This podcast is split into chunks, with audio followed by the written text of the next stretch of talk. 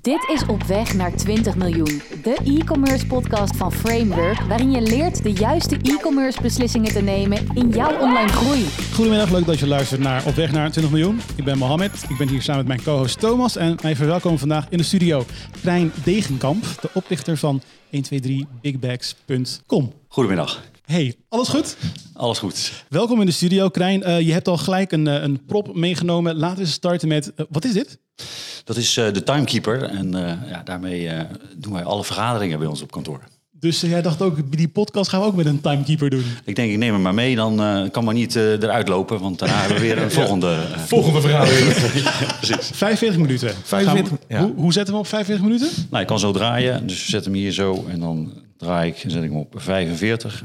En dan loopt hij af, dan is hij rood. En dan okay. gaat hij piepen. Gaat ons lukken, toch Thomas? Ja, ja, nou ja, als je mij laat praten, dan is het altijd lastig. En ik denk, als we krijgen uh, in onze combinatie, dan ben ik heel benieuwd. Maar we gaan gewoon die 45 minuten proberen aan te houden. Dit heeft uh, uiteraard te maken met ons onderwerp. Maar eerst, uh, we gaan het hebben over hoe ga je van een start-up naar een scale-up. En daar is blijkbaar dat stukje tijd heel belangrijk bij. Krijn, wie ben jij? 1, 2, 3 Big Bags. Wat is jouw bedrijf? Kun je een klein beetje een stukje achtergrond geven? Ja, zeker. Uh, nou, ik ben de eigenaar van uh, 1, 2, 3 Big Bags. Uh, ik ben van zeven jaar geleden begonnen. En toen dacht ik, ja, ik ga die zakken gewoon online verkopen. eigenlijk is het zo dat al jaren, en er zijn bedrijven die al honderd jaar in de zakkenbusiness zitten. Nederland is daar heel bekend in. Van alle jute zakken. En op een gegeven moment werd het meer, meer plastic polypropyleen zakken. En op een gegeven moment dacht ik, met deze online wereld, ik ga dat online vermarkten. En ik dacht, ja, hoe kunnen nou mensen dat goed onthouden? Dat doen we met het concept 1, 2, 3, wel bekend bij de meeste mensen. En uh, we zijn gewoon begonnen. En uh, ja, ik heb nu een goedlopend uh, bedrijf die in heel Europa zakken verkoopt. En, en voor de duidelijkheid, want mij was het niet direct duidelijk, misschien voor de luisteraar wel, maar big bags, wel, wat voor zakken hebben we het over? Nou, big bags zijn, zijn grote zakken. De meeste mensen die kennen het als kuubzakken. Als jij een, je tuintje op wil hogen met wat zand dan komt er vaak een kuub, kuub zand langs. En dan denk je meestal van, oh jee, hoe ga ik dit allemaal in mijn achtertuin krijgen? Maar ja, die zak neerleggen is makkelijker gezegd dan je tuin ophogen. Maar dat zijn die kuubzakken die je kent. Heel veel mensen kennen het ook wel van de talutjes uh, langs de kant van de snelweg. Uh, daar wordt het als voorbelasting gebruikt. Daar kennen de meeste mensen het van. Maar eigenlijk gebruik ik de zakken echt voor de afvalwereld om, uh, ja, om alles te recyclen. En we hebben niet alleen kuubzakken, maar ook halve kuub en ook kwart kuub. En ook met een losslurf en met een, een, een vulslurf, met een schort. Ik heb asbestzakken, en zo kan ik nog even doorgaan. Well, het, het, is in principe, wanneer jij ermee begint, is het geen innovatief product. Het product bestaat al. maar het was wel, je, had wel, je had niet echt heel veel concurrentie toen jij ermee begon. Want het was, je had een bepaald gat in de markt ondervonden. Zeg je dat goed? Ja, exact. De innovatie is dat je er één kan bestellen. En dat kan eigenlijk nergens. Vaak moet je er 300 stuks kopen. En bij mij kan je er gewoon één of twee kopen. En eigenlijk doe ik meer op ja, iemand die iedere maand tien zakken nodig heeft. Bijvoorbeeld een dakdekker of een hovenier of een aannemer of een stucadoor. Ja, die, die, die hebben de ene maand vijf nodig en de andere twintig. Maar die wil geen 300 stuks in één keer kopen. Ja. En dat, daarmee begon je zeven jaar geleden. Kun je ons eens nog kort meenemen naar het punt van uh, een scale-up? Dus dat we die context ook hebben. En dan kunnen we met z'n drie even duidelijk even goed duiken in die, in die scale-up uh, dingetjes. Hoe, is, hoe is die groei gegaan? Wat hebben jullie allemaal doormaakt? Wat maakt het dat jullie niet meer een start-up zijn, maar een scale-up zijn geworden? Ja, we begonnen echt, echt te pionieren uh, ik heb letterlijk twee Franse stagiairs van mijn oude universiteit uit Frankrijk uh, over laten komen naar Rotterdam. Die heb ik hier in een kamer gezet. Ik heb één Duitse aangenomen. En met z'n vieren zijn we gewoon begonnen in vier talen. En we deden alles. we deden de marketing, we deden de AdWords, we deden de logistiek, we deden de inkoop. Ja, dan moet je je voorstellen dat de eerste inkoop, dat is een Word-documentje die je aanmaakt en die vervolgens opstuurt nou ja, met mijn talent voor precisie is mijn eerste PO die ik verstuurde. En daar had ik allemaal zakken besteld. En daar had een losslurf bij gemoeten. En, het was een vlakke, vlakke bodem geworden uiteindelijk. Omdat ik zo enthousiast was van mijn eerste PO, dat, dat, dat ik dat helemaal verkeerd heb gedaan. Ja, en dus komt dat verkeerd uit uh, India. Uh, nou, resultaat, uh, niks verdiend, 2000 euro in de min. En dan, zit je, dan zit je ook echt, dan begin je met je bedrijf. En inmiddels is alles geautomatiseerd. En omdat je eigenlijk steeds groter wordt en ook steeds meer mensen in dienst hebt, ga je komende processen. eh, en, en ja, langzaam zit je toch al echt wel in die scale-up. Want eh, nu gaat alles, ja, in dit geval met eh, Exact Online, eh, met Salesforce. Eh, we hebben een PrestaShop CMS. Heel veel API's. We hebben een eigen platform. We hebben een eigen IT'er in dienst. Ja, ik mag wel zeggen dat ik nu wel echt al in de scale-up fase ben. Ja, ja, ja. Maar dat was, eh, Krijn, eh, eh, ik- wel grappig om even te vertellen, zeg maar. Toen Krijn met dit idee uiteindelijk eh, eh, eh, rondliep, zeg maar, is hij uiteindelijk ook bij ons terechtgekomen. Dus wij hebben in de beginfase hebben we Krijn ook eh, mogen helpen in dit hele verhaal. Wat ik op zich ook wel interessant vind, is om eigenlijk al vanaf dag één was jij wel heel erg bezig al met automatisering. Hè? Jij zei toen al van, joh, eh, ondanks dat eh, we nu gaan beginnen, ik wil dat het gekoppeld is aan Salesforce, omdat je daar heel veel ervaring al mee, eh, mee had. Dat je zei van, joh, het één ding is heel belangrijk, weet je, automatiseren, automatiseren, automatiseren. Dus dat is, heb je eigenlijk ook nu geheel je, nou ja, leg maar, start-up, scale-up, heb je dat zeg maar doorgetrokken. Dat, dat blijft ook gewoon nog echt een belangrijk onderdeel in je bedrijf, denk ik, hè? Ja, absoluut nog steeds. En, en- en destijds was het dus ons niet gelukt. Hè. Toen eh, moesten we uiteindelijk toch alles importeren en exporteren met allerlei CSV-bestandjes om toch zo je boekhouding en Ja. alles eh, goed te trekken. Maar nu inmiddels eh, ja, vliegen de API's over naar weer. Gaat niet overal, niet altijd overal even goed natuurlijk. Maar dat, eh, ja, het is, het is één groot eh, netwerk en echt een... eh, Ja, mooi om te zien. Ja, Is, is, dit, is dit, wat, dit, dit- deze ontwikkeling, hè, Thomas, is dat iets herkenbaars? En het leuke is inderdaad, je kent Krijn natuurlijk ook vanaf het begin van zijn reis. Toen kende hij hem ook al. Ehm, die, die, van start-up naar scale-up. Wat voor een reis is dat binnen e-commerce? En is dit zeg maar een, een typische reis daarin? Ja, wat is een typische reis? Kijk, ehm, uite- uiteindelijk is het zeg maar zo dat je de, de, de start-up fase moet ontgroeien. Dus eigenlijk, eh, ja, de definitie daarvan durf ik niet eens zozeer te, te benoemen. Misschien dat Krijn die straks nog eventjes kan aangeven. Ik denk wel dat eh, iedereen doorloopt die reis van start-up naar scale-up. Dat eh, eh, tenzij je voortijdig uitstapt en het uiteindelijk zeg maar niet het beste idee is, eh, niet is, is het beste idee is gebleken, dan, dan natuurlijk niet. Maar in heel veel gevallen natuurlijk wel. Ehm, en ja, dat, dat is denk ik hetgeen waar we nu over gaan praten. En gaan kijken van oké, maar joh, wat betekent dat dan uiteindelijk? Wat betekent dat nou op het moment dat je vanuit een start-up zeg maar doorgaat naar een scale-up? Wat, wat gaat er dan anders gebeuren? En daar is, is Krijn, zit hij er vol in volgens mij. Ja, ik zit er vol in en ik noem het zelf ruw vaarwater. Eh, en, en, en het klotst aan alle kanten. En eh, als je rechts iets gefixt hebt, dan gaat er links weer iets, eh, iets stuk. En eh, je moet gewoon eh, ja, blijven lachen, de moed erin houden en, eh, en gewoon doorgaan. Ja, en jij, de, de, de scale-up, zeg maar, waar je nu mee bezig bent, dat doe je met ondersteuning ook van een bepaald programma. Hè? Je bent, hebt een bepaald moment een, eh, nou ja, gezien dat je zegt van oké, het moet op een andere manier worden georganiseerd. En je bent ook echt bij een organisatie terechtgekomen die je helpt om eigenlijk verder te komen in die, eh, in die reis van, eh, ja, eigenlijk die ondernemersreis naar een, ja, naar een scale-up, zeg maar. Ja, zeker. We hebben zelfs een programma van negen maanden doorlopen bij de Scale-Up Company in Amsterdam. Dat is een van de bedrijven die, die scale-ups helpen. Ja, en, en dan ga je dus met het hele managementteam ga jij, ja, ga je mee in die reis eh, van hoe worden we een echte scale-up. En eh, ja, dat, dat, dat geeft heel veel inzichten. En eh, ja, vandaar ook onder andere de timekeeper. Ja. Dat is een van de dingen die we echt nog, nog veel, veel gebruiken. Maar ook de manier hoe we de strategie uit gaan werkt hebben. ja, hoe we die meetings doen. We hebben nu een, een, een weekly meeting, een monthly meeting, quarterly meeting. Het komt natuurlijk allemaal van Steve Harnish eh, Ja, eh, ja. eh, uit, uit, uit de boeken. Dus we proberen toch de, de Amerikaanse methodologie mee te nemen. Maar dat gaat... Maar la- laten we twee dingen doen. Enerzijds een beetje identificeren van, joh, wat zijn de dingen waar je dan tegenaan loopt? En dan, dan ook twee inderdaad de oplossing ervoor. En misschien, hè, we moeten sowieso gaan hebben over die klok straks. Maar misschien beginnen we met die klokken. Dus wat is het probleem bij een start-up of een scale-up? Ehm, eh, en en, en hoe, hoe lost zo'n mooie time timer, staat er ook op. Hoe lost dat het op? Wat is het probleem eh, waar dit een oplossing voor is? Nou, kijk, ik denk sowieso, in, in, in een scale-up heb je al heb je heel veel eh, stof om over te praten. Ja, ja, en als je continu praat, dan onderneem je niet. Je kan natuurlijk twee uur lang ja, verlullen, maar dan heb je nog steeds jouw facturen er niet uit, die gewoon jouw dagelijkse boterham gaan eh, betalen. En dat is natuurlijk als ondernemer wel heel belangrijk, dat je zegt, ja, moet je horen, eh, er moeten beslissingen gemaakt worden. En een van die dingen wat een timekeeper wel doet, is dat je zegt, we gaan die beslissing maken en we gaan door.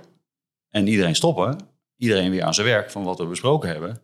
Maar niet vier uur lang vergaderen, dan naar huis en dan morgen weer bedenken wat we gisteren ook weer besproken hebben.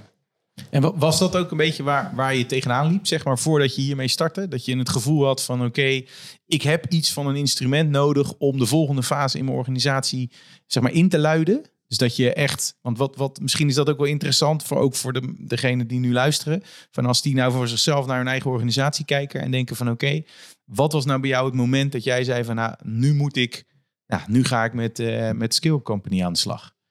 Nou, ik ben echt ik ben ondernemer, ik ben echt een visionair. En eh, waar ik wel eh, problemen mee heb, is om mijn visie duidelijk over te brengen aan de hele organisatie. Het zit allemaal in mijn hoofd. Ja, tot op een gegeven moment een werknemer naar mij toe kwam. Goh, Krijn, maar wat is eigenlijk de strategie van het bedrijf? Waar wil je eigenlijk heen?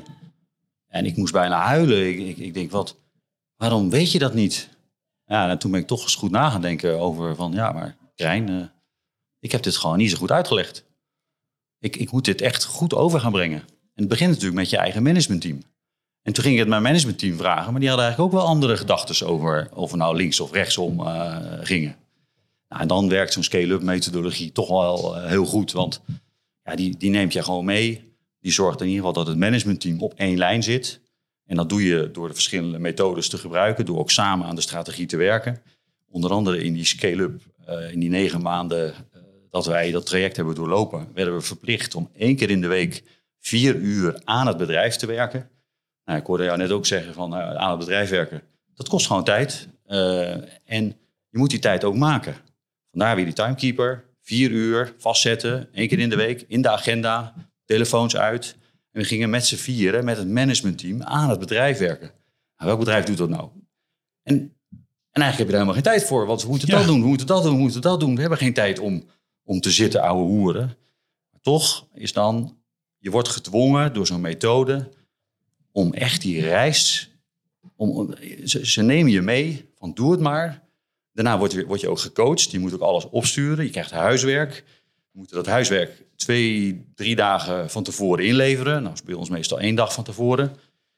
We leveren het in en vervolgens eh, nou, word je ook echt gecoacht. Van nou, dat is nu goed of dat kan scherper, dat kan beter. En gedurende dat traject mochten we het ook presenteren samen met nog twee bedrijven. Dus er waren, eh, overigens waren er iets meer bedrijven begonnen, maar uiteindelijk presenteer je aan andere scale-up bedrijven. En dat geeft heel veel ideeën en eh, ja, dat geeft wel echt sturing eh, waar je naartoe wil. Je, je maakt net de opmerking, eh, overigens begonnen er meer bedrijven. En, maar wat betekent dat dan? Die zijn afgehaakt, die zijn niet meer doorgaan. Wat, wat is het? Nou ja, eh, we begonnen, eh, we begonnen dit in september. eh, en toen zijn we met vijf bedrijven begonnen. Ja. En na negen maanden was er eigenlijk maar één bedrijf over. En dat was 1, 2, 3 Big Bags. Ja, bij jullie zelf. ja. Ehm, overigens waren wij ook wat gehavend uit de strijd gekomen. Want wij eh, hebben ook een managementteam van eh, vier man. Daarmee zijn we begonnen en we zijn geëindigd met twee man. Dus ja, we waren de laatste last man standing. En we waren er, maar in plaats van vier met twee man. Maar al die andere bedrijven waren afgehaakt, want die hadden ook een beetje last van hetzelfde. En ook een beetje last van, ja, we moeten nog zoveel andere dingen doen. En die vier uur per week werken aan je bedrijf is soms gewoon bijna niet haalbaar. Vier uur is lang, dat is een halve dag. Gedurende de week. En wij, wij hebben dat wel gedaan, we hebben dat wel volgehouden. Maar eh, met een managementteam van vier man beginnen en dan met twee eindigen, eh, ja, is, is Als- lastig. Als je zo terugkijkt, hè, om, om weet je wel, de, de fase van scale-up eh, te doorkomen. Wat, wat is er nodig? Want één, het is heel duidelijk, je hebt er tijd voor nodig. Negen maanden volgen, vier uur per week. Maar het lijkt me dat je alleen met het vrijmaken van tijd er niet helemaal eh, zou zijn. Wat zijn andere elementen in het kader van sowieso dus in het MT, de, de oprichter, de eigenaar of de, de, de persoon in, in de leiderschapsrol, eh, maar ook misschien van het bedrijf. Wat zijn dingen die nodig zijn om, om zo'n traject of die evolutie eh, door te komen?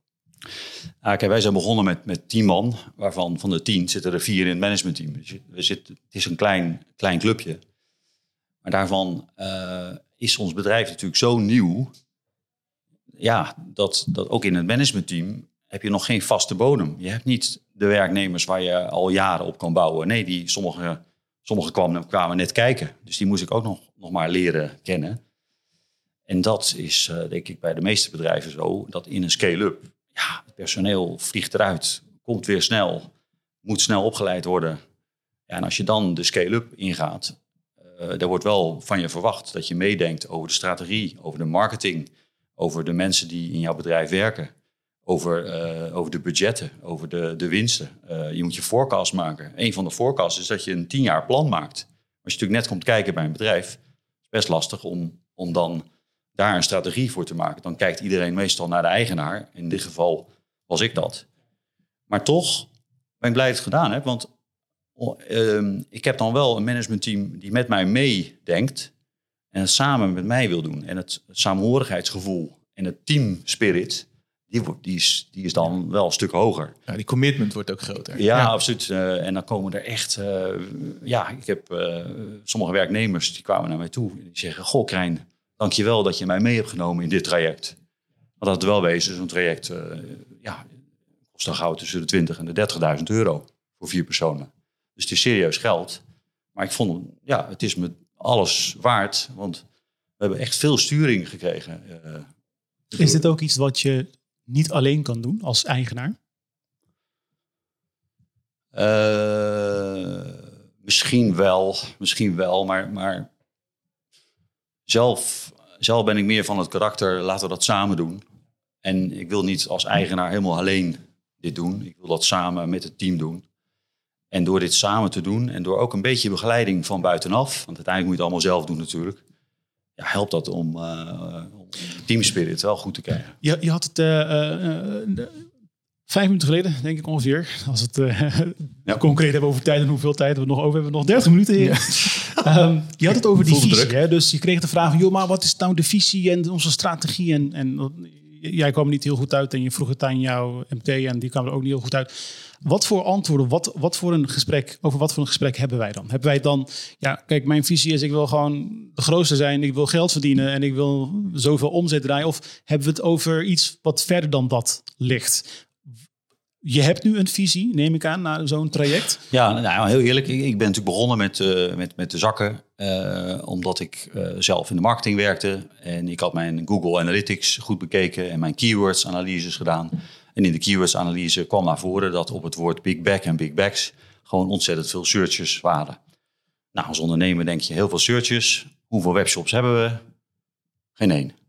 Ja, heb je een visie? Hey, nou, dan, dan heb je in ieder geval een gat in de markt ontdekt. Ja. Een niche. Ja. En op die niche ben ik ingestapt. En ik dacht, we gaan uh, zakken verkopen. En die zakken die verkopen we. En dan, uh, nou, mijn eerste uh, logo wat ik samen met Thomas heb ontwikkeld was Bags for Building. En dat zo zijn we begonnen in 2016. Nou, uiteindelijk kom je daarachter. En dat, dat hebben we wel samen echt in dit hele scale-up traject meegemaakt. Ja, zijn het niet alleen maar zakken om mee te bouwen. Nee, 80% van onze klanten die gebruiken het eigenlijk om uh, afval in te doen, om, om, om spullen te recyclen, om, om spullen uh, ja, schoon te maken. En dan is het wel mooi, want in dat, met het managementteam ga je daarover nadenken. Je maakt analyses en dan kom je eigenlijk tot de conclusie: hé, hey, maar wij moeten, wij moeten onze koers wijzigen. de wereld om ons heen verandert. Wij moeten ook veranderen. En toen kwamen we eigenlijk achter van, nou, wij worden gewoon de zakken voor de afval. En dan heb je allerlei uh, hele leuke creatieve sessies, uh, waarin uh, we eigenlijk ja, hebben bedacht, joh, wij gaan uh, het makkelijker maken voor al onze klanten om de wereld schoon te maken. Ehm, en dan kom ik een beetje op een oud idee wat ik al had voordat ik begon. Is dat ik eigenlijk gratis zakken wilde leveren voor allemaal beach cleanups. Uh, zelf uh, ben ik een zeiler en uh, ja, ik heb een hekel als er allemaal plastic in het water rondzwerft, zeker in de havens of op stranden. Dus ik had zoiets van, nou, als, ik, als het nou goed gaat met de onderneming, ik maak winst, dan ga ik gratis zakken doneren voor alle mensen die stranden schoonmaken. Nou, zo gezegd, nu komt dat allemaal mooi op mijn pad, want nu hebben we dus een core purpose. Core purpose betekent zo van, nou, waarom sta je eigenlijk op? Uh, s ochtends om naar je werk te gaan. Nou, dat is niet om te kijken hoeveel zakken ik heb verkocht en hoe het in de keywords in Frankrijk zitten en of er een concurrent bij komt. Nee, uh, wij gaan naar ons werk om eigenlijk iedereen te helpen om de wereld eh, schoon te maken. En als wij daar de juiste zak voor hebben en het makkelijker maken, dan gaat ook die recycling beter. En dan helpen we zo de hele wereld een handje. Nou, en een van de dingen over die beach cleanups, wat wij nu doen, is dat wij uh, in onze winkelwagen standaard 1,23 procent, dus in default in de, uh, de winkelwagen zetten. En waarom dat percentage? Ja, dus, uh, je kan zeggen 15 procent, maar ik vond uh, 1, 2, 3, uh, 1,23 procent vond ik wel... In lijn met de branding? Vond, ja, ik, okay. vond, ik, vond ik wel zo leuk. Um, en nou, as we speak zijn we nu een jaar bezig. we hebben bijna 3000 euro opgehaald, waar we nu gratis zakken leveren aan een ja. organisatie in Frankrijk. Die heet Project Rescue Ocean. En vooral in Frankrijk, daar maken ze nu de, de zakken, de, de, de stranden schoon met onze zakken. Gaat zo'n visie, een doordachte visie, ook gepaard dan met een stukje charity bij bedrijven? Zou je dat stellen? Uh, je bedoelt dat het met, met de scale-up te maken heeft? Ja, ja want, want kijk, mijn vraag is natuurlijk van, joh, wat, is die, wat, is nou een, wat maakt een visie een visie? Als ik zeg, ik wil gewoon een dubbele omzet hebben volgend jaar, heb ik dan een visie of, of een ja. missie of whatever? Je nou, ik denk dat het nu een combinatie is met ja? uh, het, het karakter van de ondernemer. Uh, en dat ben ik. Ik had dit idee al heel erg lang. En je gaat altijd, je doet altijd wat je als ondernemer wil. Je, je hebt me gepassioneerd over iets, je hebt een missie. En mijn missie was wel om, uh, om ook, als ik winst maak, om dan de wereld ook een beetje te helpen. En nu komt het, valt het mooi samen. En zeker met onze core purpose, dat wij het gemakkelijker willen maken om de wereld uh, schoon te maken met onze zakken. Dat wij de juiste zak hebben op het juiste moment, op de juiste plek. En uh, ja, dit doe je. Het is een combinatie tussen het karakter van de ondernemer, in dit geval mijn karakter, met ja, wat je wil bereiken met je bedrijf. Je gaat zelfs dan nog een stukje verder in, hè? want je vertelde over je visie voor 2032. Dat je zegt van ik wil 123 miljoen kubieke meter, zegt hem kubieke meter, ja, goed? ja, ja. Uh, uh, afval hebben verwerkt via jouw zakken. Ja. Dat is echt natuurlijk wel een serieus aantal. Ja, eh, kijk, in, die scale-up wordt er op een gegeven moment gesproken over een B-hack. Eh, nou, niet veel mensen die, die, eh, die weten wat het is, maar dat staat voor de Big Harry Audacious Goal. Ik wist het ook niet toen we begonnen was, maar die Amerikanen die verzinnen iets leuks. En eh, nou ja, dan, gaan wij dat ook doen. Maar goed, we komen uit Rotterdam, dus eh, ja, B-hack. Een doel, doel die bijna niet te Eh, behalen valt. Maar goed, ik moest even vragen, joh, wat, wat is dan een B-hack? Nou, zo heeft Nike een keer gezegd, crush Adidas. Nou, dat leek ons geen goede B-hack. Maar als wij 123 miljoen ton afval door onze zakken willen laten gaan in het jaar 2032, ga je dat uitrekenen. En dan, als wij bijvoorbeeld eh, die, die kuubzakken waar we het net aan het begin eh, even over hadden, eh, als we die allemaal naast elkaar zetten en je gaat drie keer de wereld rond, dat is ongeveer het hoeveelheid afval wat wij op willen halen tot het jaar 2032. En dat is gigantisch. En die drie keer de wereld rond, dat is slechts 10% van al het afval wat wij produceren in West-Europa in één jaar. Dus het, er is nog genoeg over. Er is nog genoeg over voor, de- nog voor. voor andere mensen. Kun je dat nog een keer herhalen? Even wat, wat, nog een keer, wat zei je? Nou ja, die- kijk, die B-hack, eh, Ja? je gaat op een gegeven moment echt, je gaat iets kwantificeren. En om iets te kwantificeren, moet je gaan kijken, ja, oké, eh, leuk zo'n B-hack, maar wanneer behaal je dat nou? Wij kunnen aan, wij verkopen lege zakken. Dus wij weten ongeveer wat het volume gaat zijn van al die zakken. Wij kunnen dat uitrekenen. En als we dat allemaal uitrekenen en we, je gaat dat visualiseren, en omdat wij ons ja, grootste lopende, eh, de beste lopende zak is de onze kuubzak, 90, 90, 110. Als we die allemaal naast elkaar zetten en je gaat drie keer de wereld rond, dat willen wij aan afval eh, gaan recyclen met ons bedrijf. En, en de verhouding daarvan met eh, het afval van Europa? Wat, wat zei je daarover? Nou, die drie keer de wereld rond, Ja? dat is ongeveer 10% 10 procent. 10% maar van het afval. Maar, oh, maar ik heb alleen West-Europa. Ja. Ja.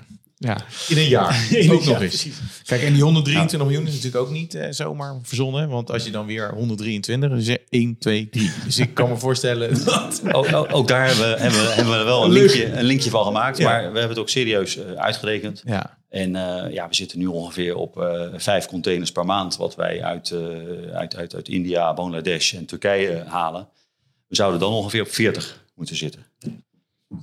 Uh, ik, ik, ik hoor een aantal zaken in. in, in dus, dus de vraag was van, wat is je visie, wat is je strategie? Daar heb je nu een antwoord op. Je hebt een aantal dingen genoemd. Eén is eigenlijk uh, klantsegment. Dus welk segment ga je aanspreken in de markt? Uh, daarover zeg je niet meer de bouwers, maar juist de afvalmarkt. Die spreken we aan. een tweede punt wat je benoemde um, is dat je gaat zitten op dat stukje purpose. Waarin je stelt van, joh, we willen de wereld een stukje schoner maken. Um, ik weet daarover dat je, want als je aangegeven, als we bij jullie kantoor binnenlopen, dan, dan zie je ook die dingen terug op kantoor, als ik me niet vergis. Wat zie je allemaal terug op kantoor? Hoe hebben we dat ingericht om dat te laten leven? Nou, je, wil natuurlijk je core purpose uh, wil je wel groot uh, aan de muur hebben hangen. Uh, dat hebben we ook, ook wel geleerd tijdens onze, ja, on, on, onze hele cursus. Dus dat hebben we gedaan. We hebben daar een professioneel designer hebben wij laten maken. En, en, en dat is een heel grote poster met de core purpose. Wat we ook uh, hebben gedaan is de painted picture. Dat is ook een, een onderdeel van uh, de, de scale-up. En de painted picture is een voorstelling hoe het bedrijf eruit ziet over tien jaar. Want dan wordt je geleerd dat als jij je strategie wil, uh, wil, wil communiceren aan, jou, aan iedereen, aan, aan jouw werknemers of aan jouw stakeholders, dan kan je dat best met een plaatje doen. Dus wij hebben daar een professioneel tekenaar uh, laten komen. En die heeft een heel mooi uh, plaatje uh, laten maken van mijn visie over hoe het bedrijf er over tien jaar uitziet. En dat plaatje ziet er dan uit dat je één gebouw hebt met een eigen logistiek centrum, wat wij nu niet hebben, want we hebben een eigen, we hebben een extern fulfillment kantoor. Maar je ziet nog wel, ja, het is een podcast, dus je kan niet zoveel, maar je ziet bijvoorbeeld iemand die toch een biertje drinkt bij een barbecue. Je ziet heel duidelijk wat is de doelgroep. Dus alle hoveniers, uh, alle bouw, uh, bouwmensen, productie, afval. Je ziet ook uh, dat wij nog steeds vlaggetjes hebben hangen, omdat wij onze verjaardagen vieren. Je ziet ook een pooltafel, want bij ons wordt er wat gepoeld af en toe om wat te ontspannen. En zo behoud je je karakter, maar je groeit wel. En voor ieder nieuwe werknemer die bij ons komt, komt werken, ja, die kijkt naar het plaatje en zegt, oh, zo moet het worden over tien jaar. En dat is heel verhelderend. Want dat was inderdaad wel een, een, een vraag van mij. Want, um, hoe maak je dingen concreet? Dus 123 miljoen of uh, ton uh, kubieke meter afval. Ik weet niet of, of ik het goed zeg. Ja. Maar joh, verbeelding. Heb je dat ook visueel afgebeeld trouwens op kantoor? Het rondje om de wereld heen? Zeker. Oké, okay, kijk. Ja. En dan drie keer de wereld. Drie keer, precies. Ja, ja, en, en, en, naast die wereld zie je dan de timekeeper staan. Oh ja, hoe, 20 minuten. Oké, okay, ja, ja. gaat nog goed. Ik, wel, uh, maar ook weet ik dat jij een heel duidelijk en een concreet en een goed werkend uh, KPI-dashboard hebt. Dus hoe, hoe scha je dat onder, weet je wel, je purpose en, en, en de visie die je nodig hebt? Uh, en dan heb je ook je KPI's, weet je wel, single point of truth. Hoe, hoe plaats je dat in het grote geheel? Die KPI's zijn heel belangrijk in, in die hele scale-up. Uh, een van die dingen is dat je wekelijks een uh, managementteam meeting hebt. Je hebt een weekly meeting. Je hebt ook een monthly meeting. En dan kijk je eigenlijk naar die KPI's. En uh, met deze scale-up strategie ja, ga je, pak je altijd weer die KPI's erbij. Oké, hoe loopt het? en waar kunnen we iets wijzigen? Waar kunnen we ja, bijspringen? En wat kunnen we veranderen? Uh, nou, is natuurlijk een van de KPI's wat belangrijk is, is onze conversie op de website. Anders halen we de omzet niet. We willen ook weten uh, wat voor zak hebben we dan gekocht. Um, in welk land hebben we het verkocht. We willen ook weten uh, hoeveel, hoeveel marge hebben we gemaakt. misschien wel het belangrijkste. Ehm, ja, dat hebben wij helemaal met Salesforce gekoppeld aan een, aan een mooi dashboard. dat is gewoon een flatscreen die wij aan de muur hebben hangen. En als de dag begint, dan beginnen wij met die tv aanzetten. En dan weten we hoeveel, we, hoeveel orders we ja. hebben gedaan. Uh, en, ja. als, als je dit vergelijkt met, uh, laat ik zeggen, vijf jaar geleden, drie jaar geleden. Wat zijn grote verschillen? Is één daarvan, ik neem aan, een stukje automatisering. Waren de cijfers, weet je wel, jaren geleden hetzelfde als de cijfers van vandaag? Wat, wat is zeg maar de ontwikkeling op zo'n dashboard voor jou geweest? Of was het dashboard drie jaar geleden gewoon helemaal niet? Nee, ik denk dat ik met drie verschillende systemen werkte. En dat was bijna onmogelijk voor mij om daar een dashboard uit te halen. De enige dashboard die ik toen had was Google Analytics. Om te kijken, ja, wat is de conversie? Wat is de omzet die eruit komt? Uh, en in mijn boekhoudsysteem kon ik de omzet zien. Ja, nu, nu gaat, dat, uh, gaat dat veel verder. En nu merken we ook dat iedereen op kantoor ook zijn eigen functie heeft om naar het dashboard te kijken. Want zo heb ik een IT-manager. Die heeft een eigen dashboard om te kijken of bijvoorbeeld uh, onze payment service, payment service provider Molly wel goed gaat en of alle, alles op groen staat. Uh, ik kan ook bijhouden hoeveel personen er uh, ja, op de website nu actief zijn, bij wijze van spreken. Niet dat je daar gelijk wat aan hebt, maar het, het zegt wel wat van als hij op nul staat, dan weet je dat je even naar, naar je website moet gaan kijken. Wat, wat ik, waar ik ook aan zit te denken, hè, is van, uh, joh, je gaat op een bepaald moment ga je zo'n zo'n traject in. Uh, je zegt zelfs van, joh, wij waren eerst, hoe noemde je het, bags for building. En nu heb je gezegd, make it easy. make it easy it create, in, in creating a cleaner world. Hè. Volgens mij is dat, was dat jullie, jullie nieuwe slogan. Dat betekent natuurlijk ook dat er mogelijk ook wel andere mensen, hè, andere mensen uiteindelijk zich, zich bij jullie willen aansluiten. Want het is natuurlijk, als jij je purpose een beetje verandert, wil niet zeggen dat mensen van het eerste uur daar nog zich steeds, nog steeds ja, fijn bij voelen. Merk je dat ook als je dus een stap door gaat maken? Nou ja, zeker. En naast dit hebben we natuurlijk ook de core values. Uh, daar, zitten ook uh, ja, vier, vier punten in ons bedrijf waar wij mensen op aannemen. En bijvoorbeeld een daarvan is dat wij mensen aannemen op dat ze we adapt zeggen we. Je moet, ja, je moet je wel ja, kunnen aanpassen. Aanpassen, ja precies. Even het Nederlandse woord zoeken.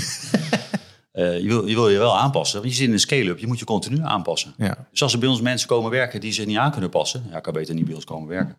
Is, is dat ook bijvoorbeeld als we dan terugkijken naar dat traject waar je in zat, waarin dus uiteindelijk twee managementleden uiteindelijk een andere pad hebben gekozen? Is, heeft dat daar ook mee te maken? Eh, zonder in te gaan op eh, de, de, de werkelijke... Ja. Eh, dus maar heeft ja. dat daar wel met de, nou, de, shift die je aan het doormaken was? Dat gewoon andere... Nou ja, zeker. Um, een, een, andere sprint, zoals ze dat heten, is bijvoorbeeld de people sprint in, in, de, in de hele, hele traject. Ja, in de people sprint heb je, dan leer je dat je A, B, C en D spelers hebt. Nou, D spelers zijn de mensen die er gelijk uit moeten, want die passen niet bij de cultuur, maar zijn ook niet productief. C spelers zijn mensen die en productief zijn, maar uh, of, of uh, ja, uh, zeggen, en productief zijn, maar niet bij de cultuur passen. B-spelers zijn mensen die productief zijn, maar, maar, en goed bij de cultuur passen. En A, zeg ik verkeerd, A is iemand die heel productief is en goed bij de cultuur past. En je wil eigenlijk alleen maar A-spelers hebben. Maar dat is natuurlijk onmogelijk. Dus die, van die B-spelers, die, die heel goed bij de cultuur passen, maar misschien nog niet helemaal productief zijn, daar wil je A-spelers van maken. A-spelers wil je, wil je altijd behouden. En eigenlijk wil je die D- en die C-spelers wil je gelijk vanaf. En een van de dingen die wij geleerd hebben, is om met het managementteam samen te gaan zitten. En om eigenlijk de C- en de D-spelers, om daar gewoon afscheid van te nemen. En dat hebben we ook gedaan. En dan word je echt gedwongen om moeilijke beslissingen te nemen. Zeker voor mij is dat heel moeilijk om tegen mensen te zeggen: jij past hier niet, je kan beter wat anders gaan zoeken. Jullie uh, zijn alle twee uh, ondernemer. Uh, als jullie zo om jullie heen kijken naar collega-ondernemers, is, is dit iets wat, wat moeilijk gedaan wordt? Dus hè, gewoon kunnen afscheid kunnen nemen van, van mensen? Of is dat, valt dat best wel mee? Nou, ik denk dat het heel, heel wisselend is voor de ondernemer aan zich. Als je hem gewoon direct aan mij vraagt en dan kijk ik Krijn hetzelfde aan. Kijk, als je gewoon menselijk bent, dan is dat heel lastig. Want je zoekt vaak mensen die goed bij jou passen. Maar wil niet zeggen dat ze goed passen bij het doel wat je wil bereiken. Dus je kijkt heel erg naar van dat intermenselijke, dat, dat, dat spreekt je aan. En dat zorgt er uiteindelijk voor dat je een goede klik hebt. Maar wil niet per se zeggen dat ze ook echt werkelijk productief zijn en ook heel goed bij je cultuur passen. En eh, ik denk dat dat enorm confronterend is op het moment dat je dat dus wel uiteindelijk gaat doen. Uh, om het uiteindelijk, zeg maar, zo'n letterlijk voor je gevoel harde keuzes te maken. Maar je weet uiteindelijk, als je verder wil komen met elkaar, dat het wel nodig is om die mensen daarin uh, op een bepaalde manier neer te zetten om verder te komen. Dus het is een noodzaak, maar dat is absoluut niet makkelijk. En ik geloof zeker niet dat iedere ondernemer hier gewoon volmondig ja op zegt van oké, dit doe ik gewoon zo. Nee, dat is ook niet leuk. Je bent ook niet uh, ondernemer geworden om, om tegen mensen te zeggen, zoek jij maar een andere baan. Um, maar ja, je wordt er wel harder in. Ik ben nu zeven jaar bezig. En ik durf nu wel te zeggen dat ik dit nu wel doe. Want ik heb ook gezien wat er van uh, kan komen als je deze beslissingen niet neemt. Je moet gewoon die beslissingen wel durven nemen. En anders moet je denk ik geen ondernemer worden. Maar als je natuurlijk net begint met ondernemen, ga er maar aan staan hoor. Een moeilijke beslissing. E- een van de dingen die je ook aangaf inderdaad was uh, zo'n zo'n programma helpt mij om een duidelijkere keuzes te nemen. Um, kun je ons misschien daar ook een beetje in meenemen? Want stel bijvoorbeeld in het geval van hè, een, een, een C of een D-speler en je, je maakt die keuze niet direct. Wat, wat voor een effect heeft dat dan? Waarom, waarom is dat heel erg? Uh, of waarom moet je daar duidelijke keuzes in maken? Nou, ik denk zonder, zonder dat ik dit niet dit geleerd heb, had ik, had ik, het, had ik die keuzes niet gemaakt. Dan laat je het heel lang sudderen totdat het ontploft. Maar dan ben je eigenlijk te laat. Maar nu heb je heel duidelijk, dan ga je met het managementteam zitten. En zit, we gaan deze keuze maken, want dat staat gewoon op de agenda. En binnen een uur moeten we die keuze hebben maken of we uh, Pietje houden en Suzanne houden. Of dat we ja, van Henk afscheid moeten nemen. En dan door ze in een vakje te plaatsen, is ook iedereen er, er heeft iedereen er tevreden mee. En iedereen is ook blij dat we een goede beslissing hebben gemaakt. En dus ja, krijg je een goede consensus in jouw managementteam. En gaat iedereen met volle moed uh, door. Hey, wat, ik, wat, uh, wat denk ik ook belangrijk is, hè, is om een bepaald moment is de methode. Uh, methode, een denkwijze van, van Vern Harnish. Vern Harnish, ja. Harnish. Ehm, daar ben je dan op een bepaald moment van overtuigd. Dus op een bepaald moment ga je echt naar zo'n zo'n methode leven. Ehm, zijn er ook andere methodes, zeg maar, waarin je dit kan doen? Weet je dat toevallig? Eh, want scale-up is natuurlijk niet de enige. Zijn er meerdere methodes waarin je kan zeggen van oké, we gaan uh, een, van start-up naar scale-up. Heb je die ook overwogen? Of heb jij gewoon gezegd, ik heb het gevoel dat ik hier sta, zij kwamen voorbij en die keuze heb ik gemaakt. Het is niet een bewuste keuze van. Ja, in, in dit geval het laatste. Uh, eigenlijk heb je als ondernemer helemaal geen tijd om hierover na te denken, om heel eerlijk te zijn. Je gaat gewoon door. En in dit geval had ik iemand van het managementteam uh, uh, die zei: joh, Krijn, dit moet je doen. Ehm, want ik zie dat wij toch snel van links naar rechts gaan. We moeten keuzes, we moeten bij onze strategie blijven. Laten we dit doen. Nou, bovendien was het ook heel leuk, heel leerzaam voor iedereen. Ehm, het is wel een hele Amerikaanse stijl. En soms wordt er ook wel eens gezegd, weet je, de Amerikaanse stijl werkt niet altijd binnen een Europese aanpak, binnen een Nederlandse aanpak. Ervaar je daar iets in? Dat je zegt van, joh, zij hebben bepaalde dingen zodanig strak ingericht, wat echt heel Amerikaans is, waarvan jij zegt, nou, dat hebben wij niet overgenomen. Zijn daar, zijn er nog dingen over te benoemen? Nou, nou eigenlijk worden wij wel werden begeleid door een Amsterdamse club van de Scale-up Company, die dit natuurlijk heel ver Europees hebben. Want de Nederlandse wetgeving is natuurlijk anders als uh, de, de arbeidsrecht in, uh, in de Verenigde Staten.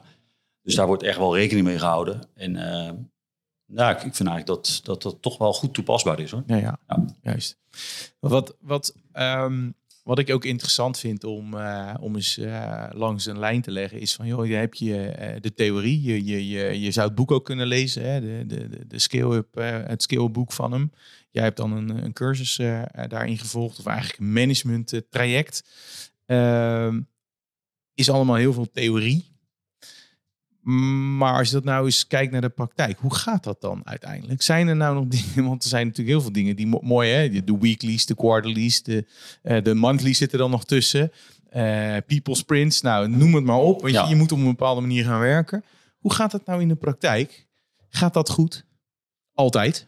Nou, misschien word je altijd, hoef ik nog niet te zeggen. Maar... Nee, nee, nee, nee, nee, Ik begrijp je vragen. Kijk, het gaat natuurlijk helemaal niet goed. Kijk, uiteindelijk heeft je die theorie en we moeten weer de weekly doen. Maar ga er maar aan staan als bijvoorbeeld de mensen er niet zijn. Of uh, we hebben weer vakantie. Uh, er wordt gezegd van de weekly en de monthly moet altijd doorgaan. Ook al zijn er mensen op vakantie. Maar wat nou als je in een managementteam zit van vier en er zit en twee zijn er niet, die zijn op vakantie. Ja, dan, dan, en dan merk je dat je misschien toch wel beter in een managementteam van zes kan zitten. Zodat je wel een nuttige vergadering hebt. Um, maar wat, wat, wat voor mij het meest weerbaster was, is, is dat ik begonnen uh, ben vol goede moed met vier man in mijn managementteam. Ja, en je eindigt met twee, met twee man. Dat staat natuurlijk niet in de, in de boekjes. En, en ja, uh, uiteindelijk stond, stond bij mij het huilen uh, nabij. van hoe ga ik dit allemaal doen? En hoe moet ik nu nog mijn timekeeper erbij houden hier in mijn managementteam, wat ik bijna in mijn eentje trok. Dus ehm, nee, de praktijk is altijd anders. En, ja, maar je hebt richtlijnen nodig met de consultancy. Dus je, je wordt wel wat geleerd zoals je het zou moeten doen. Maar uiteindelijk is het aan de ondernemer om daar hard aan te trekken en om daar weer het beste van te maken. En dat zal altijd zo blijven. En uh, je moet blijven lachen en uh, gewoon doorgaan. Het, het, lijkt me ook in het bijzonder moeilijk. Volgens mij hadden we dat ook besproken. Want stel bijvoorbeeld dat je vanuit deze methodologie uiteindelijk uh, ervoor kiest om een persoon te laten gaan. Ja, het werk wat die persoon doet, die blijft natuurlijk bestaan. als je twee laat gaan, als je twee personen uit je MT, als zij daarvan neemt, van hun neemt, dan dat werk moet nog steeds wel voortgezet worden. Dus hoe ga je dan ook om met enerzijds geloof je in een bepaalde methodologie dat het werkt om vooruit te komen, moeten we dit gaan doen. Maar aan de andere kant heb je de harde realiteit als ondernemer dat alles draaiende gehouden moet worden. Uh, hoe, hoe balanceer je dat? Nou, een mooi voorbeeld. Je vroeg het al uh, net al van hoe kom ik nou in het jaar 2032 aan die 123 miljoen ton om dat voor elkaar te krijgen. Hebben wij een plan gemaakt dat wij ook bijvoorbeeld uh, nieuwe landen moeten aanboren moeten nieuwe producten aanboren, nieuwe categorieën. Uh, kijk, wij zitten in de afvalzakken. Ik ben nu bijvoorbeeld bezig met uh, papieren zakken om dat allemaal uh, klaar te zetten. Maar daarvoor heb ik wel een team nodig die dat allemaal doet. Dus een terechte vraag, als er twee mensen uitvallen, dat betekent dat je als ondernemer even een tandje harder moet lopen. En soms, ja, soms lukt dat natuurlijk niet. Een van de dingen wat we iedere kwartaal doen, is dat we een quarterly hebben. En in de quarterly bepalen we de ROCs. Rocks zijn een soort van milestones. En je bepaalt met het managementteam welke milestones gaan wij echt halen over drie maanden. Nou, uh, we hebben nu negen maanden dit traject gedaan. We zijn nu ongeveer negen maanden verder. Ik geloof dat ik uh, van de twaalf rocks die we op papier hebben, hebben we denk ik twee gehaald. Um, omdat we veel te ambitieus zijn en dat we het gewoon niet, niet halen. En in dat geval moet je gewoon even goed ademhalen en zeggen: leuk dat we zo ambitieus zijn. Maar als de mensen bij jou weggaan en je hebt de mensen niet om het werk te doen zoals jij dat wil, zul je gewoon van drie of vier rocks die je dan in dat kwartaal hebt bedacht, daar zul je er gewoon misschien één van moeten pakken. In dat geval moet je heel blij zijn met één. En dat is natuurlijk heel moeilijk, ook voor mij. Want ik, ik, ik wil natuurlijk drie, vier rocks halen om verder te groeien. Want je weet gewoon dat je anders die 2032 niet gaat halen. Maar het is een kwestie van uh, bijstellen, ondernemen en weer doorgaan. En ook blij zijn met een klein beetje vooruitgang. Als we een beetje zouden moeten inzoomen op ook dat stukje doelstelling. Hè? Je geeft net aan ROX, dat is dus een, een milestone die je wilt halen per drie maanden. Um, als je in, in, algemeenheid kijkt naar zo'n methodologie, dus als ondernemer, wat voor doelstellingen moet je hebben? Moet je, je hebt ook een tien jaren doel. Dus je hebt tien jaar, je hebt drie maanden. Welke andere niveaus heb je daartussenin nog allemaal? Um, ja, kijk, als je dat plan maakt, dan begin je met een tien jaar doel. En dan ga je eigenlijk um, ga je dat uitsplitsen in vijf jaar. En je kijkt naar één, twee en drie jaar. Dus je, uiteindelijk maak je een twee, driejarig plan waarin je ongeveer uitschrijft wat je wil bereiken. Kijk, bij ons is dat bijvoorbeeld, wij willen bijvoorbeeld Scandinavië aan gaan sluiten. We willen ook met uh, Turkije beginnen en we willen met uh, in Spanje ook wat actiever zijn. Want om onze, onze pallets van Nederland naar Spanje te krijgen is gewoon te duur. Dus we zullen ook in Spanje iets moeten gaan zoeken. Maar dat staat in het twee, drie jaar plan. Wanneer je dat gaat doen, dat, dat moet je zelf uh, bepalen. Vervolgens ga je twee, drie jaar plan terugrekenen naar wat is het jaarplan. En het jaarplan, die verdeel je weer in kwartaalplannen. en ieder, in, dat kwartaal heb je dan de verschillende ROCs wat je moet halen ja, om, om je jaardoelstelling te behalen. Ja, dus alles staat in het teken van dat tienjarenplan, zeg maar. Alles reken je terug uiteindelijk. Naar alles, alles reken je terug. En, en um, dat bij ons nog redelijk vers is, uh, zijn wij nu ook bezig om onze werknemers hiervan bewust te maken. Om te zeggen, ja, maar wat ga jij bijdragen aan de rock van dit kwartaal? Dus dat betekent dat wij aan die, die rock zetten wij een aantal mensen en we zeggen, moet je horen, uh, uh, Pietje, jij moet dat doen, hè?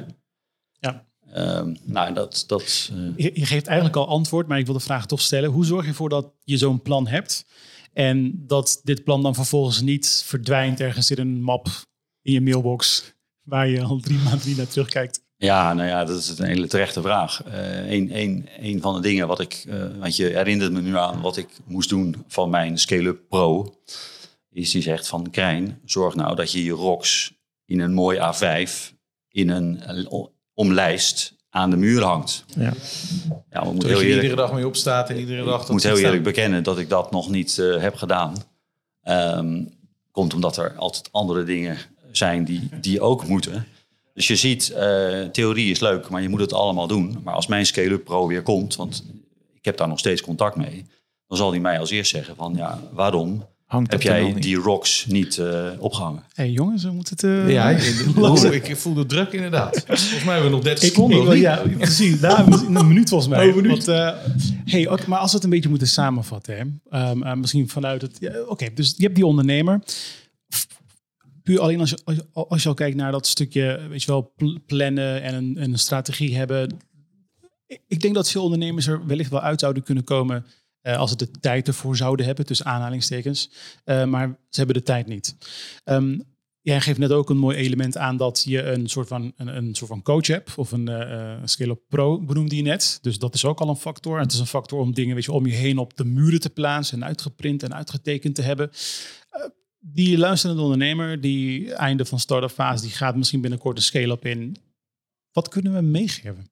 Waar, hoe, hoe kan hij nou een goede stap maken richting eh, in zijn groei? Wat, wat, wat kunnen we meegeven? Ja, ik heb daar één, één advies voor. Is ga vooral tijd maken om aan je bedrijf te werken. Maak er tijd voor. Maak de plannen. Maar hoe, hoe maak je tijd? Hoe maak je tijd als je tijd tekort komt? Eh, in je agenda iets plannen. Het liefst niet op bureau. Ga gewoon huur een zaaltje. Ga in de tuin zitten. Ga op het terras zitten met je managementteam. Werk aan je bedrijf. En zet daarna de telefoons weer aan en dan pak je het weer op. Thomas, dit is weer een unieke podcastaflevering, want eh, we hebben het over e-commerce op weg naar 20 miljoen. We hebben het over webshops. We hebben het niet gehad over een webshop. We hebben het ook niet gehad over, eh, over de miljoenen omzetten die we gaan behalen. Nee. Dan gaat de tuinkeeper. De tuinkeeper gaat af. Oh jee. We hebben het niet gehaald. Nee. Maar wat, wat, wat, wat kun je in, in, in dat kader zeggen? Want hoe, hoe belangrijk is dit gesprek eigenlijk voor die webshop-ondernemer om over na te denken? Het stukje, weet je wat, MT, eh, omgaan met meetings, met tijd, met je strategie, mensen aannemen, mensen ook afscheid nemen.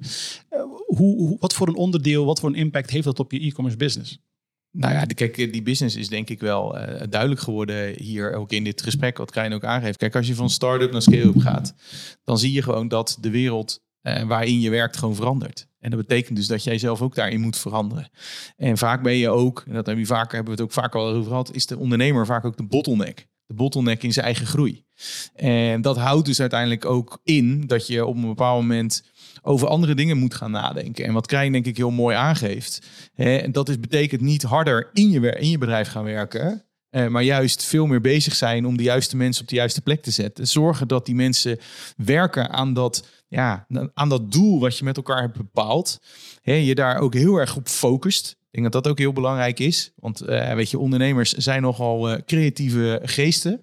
Gaan alle kanten op, zien mogelijkheden, denken we gaan weer links, we gaan weer rechts. Maar op het moment dat jij een hele duidelijke focus hebt, met z'n allen daaraan werkt, dan zal je zien dat je steeds verder en verder komt. En jij als ondernemer, ik heb even genoteerd, eh, Krijn noemde zichzelf net al visionair. Kijk, je hebt een visie, je wil iets bereiken. En dat is belangrijk om dat tussen de oren te krijgen bij de mensen. En nou, dan is zo'n zo'n scale-up methodiek is een hele mooie praktische manier om dat uiteindelijk uitvoerbaar te maken. En ik denk dat dat eigenlijk wel vandaag duidelijk is geworden.